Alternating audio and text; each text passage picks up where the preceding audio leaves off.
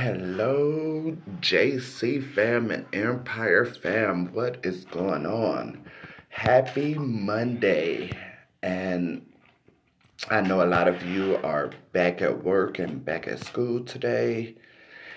And I just wanted to jump on here because I said I was going to bring you guys a special show today. This is your host, Jordan Cruz, with another episode of One on One with Jordan.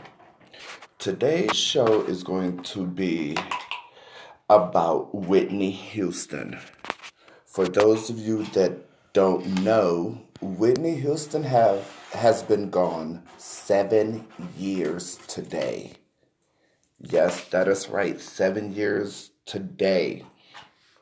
Now, what's interesting is Whitney Houston, she was a phenomenal singer and phenomenal actress. And it touched a lot of people and hurt a lot of people when she passed. And um even though it's been seven years today, I still cannot get that last image of her out of my head. And what I mean by that was how she was found. I, to this day, I still cannot get that image out of my head. And Whitney Houston touched so many people. I mean, her daughter wanted to follow in her footsteps. Her daughter wanted to become a singer and an actress just like her mother. And there was a couple of things, well, a lot of things that Whitney did that I loved. I mean, I love the Bodyguard. I loved The Preacher's Wife. I loved Sparkle. And Sparkle was her very last movie. A couple of songs that I really loved by her was um, some of her old classics. Um, I Will Always Love You. Um, let me see. Um, it's not right, but it's okay. Heartbreak Hotel. Then you have one that she did with Jordin Sparks called Celebrate. Um, she did another one that I really love. Um, it was one of the few gospel songs that she did. Is called I Look to You. And it was just a, a tragedy that we lost her and the music scene would never be the same. I mean, there's some great female artists out there, but none of them can come close to Whitney Houston. And I would recommend that if you guys want to know the true Whitney Houston, you guys should watch the movie titled Whitney. That movie, it tells her whole life story from how she started out, when she met Bobby Brown. And a lot of you don't know before she had her daughter, she had actually gotten pregnant before that and miscarried. And so, just like a lot of singers, Whitney started out singing in a church choir. And I will forever be grateful to the music and the movies that Whitney did. And like one of my favorite songs that she did that was me and my husband's was I Will Always Love You. And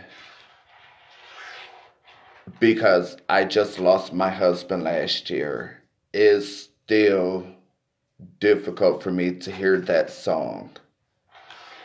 And I mean, that's one of my favorite songs. That one, and then um, Million Dollar Bill and I Look to You. I love those three songs. And if you guys have never heard them songs, get on YouTube and listen to them. And I Look to You totally just it opened up so much in my life. And so I would highly recommend that you guys go on YouTube and listen to those three songs. They are again, I Look to You, Million Dollar Bill, and I Will Always Love You. I Will Always Love You was off the soundtrack um, from The Bodyguard. Also, listen to Celebrate. She did that with Jordin Sparks. That was off the soundtrack to Sparkle. And so she was an amazing woman. And I want you guys today to just take a moment of silence and just remember the life and legacy of Whitney Houston. And just thinking about it, it don't seem like it's been seven years. But time flies because it just seemed like yesterday that we heard that she had passed and we look up and it's seven years. Like, where does where did where did the time go from February eleventh, two thousand twelve, until February eleventh, two thousand nineteen? Where the hell did time go? So I want each and every one of you to make this your Whitney Houston day. I mean, just sit up and listen to all of her songs. Go back to the old songs when she was younger. Watch her movies. Just take today and make this all about Whitney Houston. Because, I mean, a woman that amazing deserves to have this day honored. Celebrate the life of Whitney Houston. Don't celebrate her death. Celebrate her life. Because that's that's what it all boils down to is the life leg and legacy of Whitney Houston. I am um I'm gonna try to do that myself today. And so um, I want you guys to let me know what you plan on doing today to to honor Whitney Houston. You can send a voice recorded message on here. You can email us at one of our email addresses and they both are um, one-on-one with JC Fam 1819 at gmail.com and the other is JC Empire 1920 at gmail.com. Please feel free to also follow us on Facebook on um on both of our pages. One is under JC Family Page and the second one is under JC Empire. Unt- I'm going to wrap up this episode of the show. Until next time, This is your host, Jordan Cruz, with a special episode of One on One with Jordan. I want to thank each and every one of my listeners today. And also, if you are new to the show, hit that subscribe button so you can stay up to date on each and every show. Also, starting February 18th, uh, the time for the show is going to change. The days are going to stay the same Monday, Wednesday, Friday, and Saturdays. But instead of doing the show at 10, we're not, we're, then we're going to do the show at 11. So starting February 18th, the show would be Monday, Wednesday, Friday, and Saturdays at 11 a.m. Unless something come up and I can't do it then, I'll either try to do it earlier in the day or later in the day.